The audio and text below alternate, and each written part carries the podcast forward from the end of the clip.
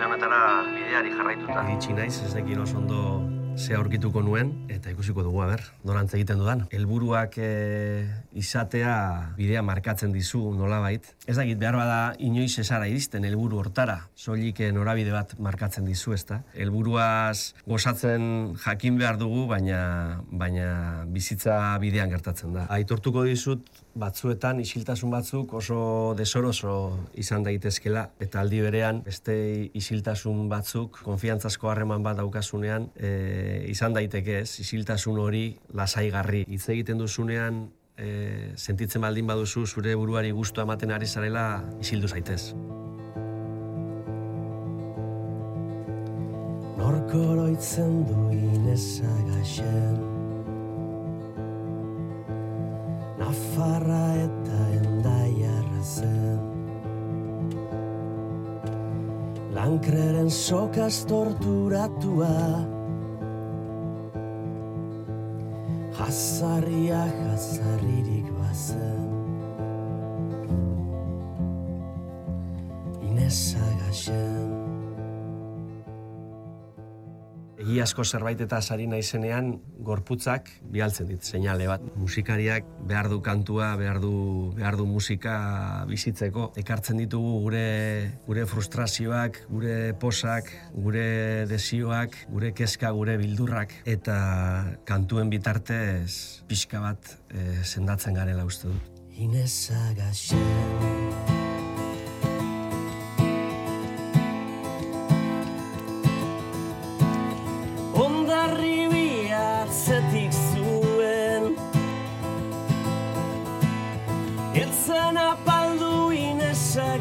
inezagaxen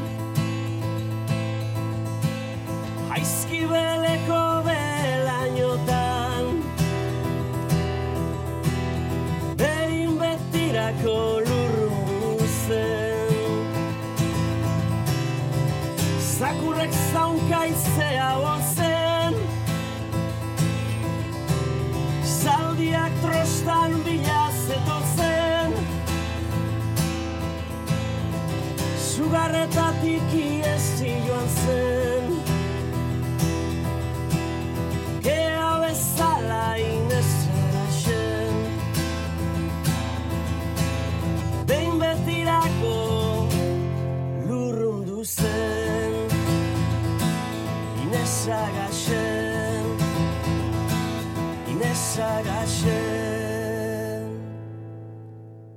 Ez herria bada ez lekuan sentitzea, ezta? Eta esan nahi dut badala zera afera fisiko bat, baina baita ere afera emozional bat. Zenbat diren gerra urrunetatik e, iesi bere herrietatik alde egiten duten e, jende guzti hori, ezta? Eta gainera nola, nola esitzen dugun e, e, gure herria sarrez daite zen, ezta? Oitu egiten gara, ezta? Kanpoan gertatzen diren injustizia hoietara, ez daukate korapil hori askatuta eta ez dut beti asmatzen hoien aurrean e, pausu bat eman eta, eta laguntzeko bideak e, egiten. Horatu beharko genuke ze txikia garen eta historiari begiratuta ba, gu bizi garen bizitza tartea oso oso txikia dela denboraren ariari begiratuta eta eta behar bada e, bizitzari hortik e, begiratuko bagenio ba, asko hobeto biziko ginateke eta estekiko harremanetan ere hobeto asmatuko genukela ez.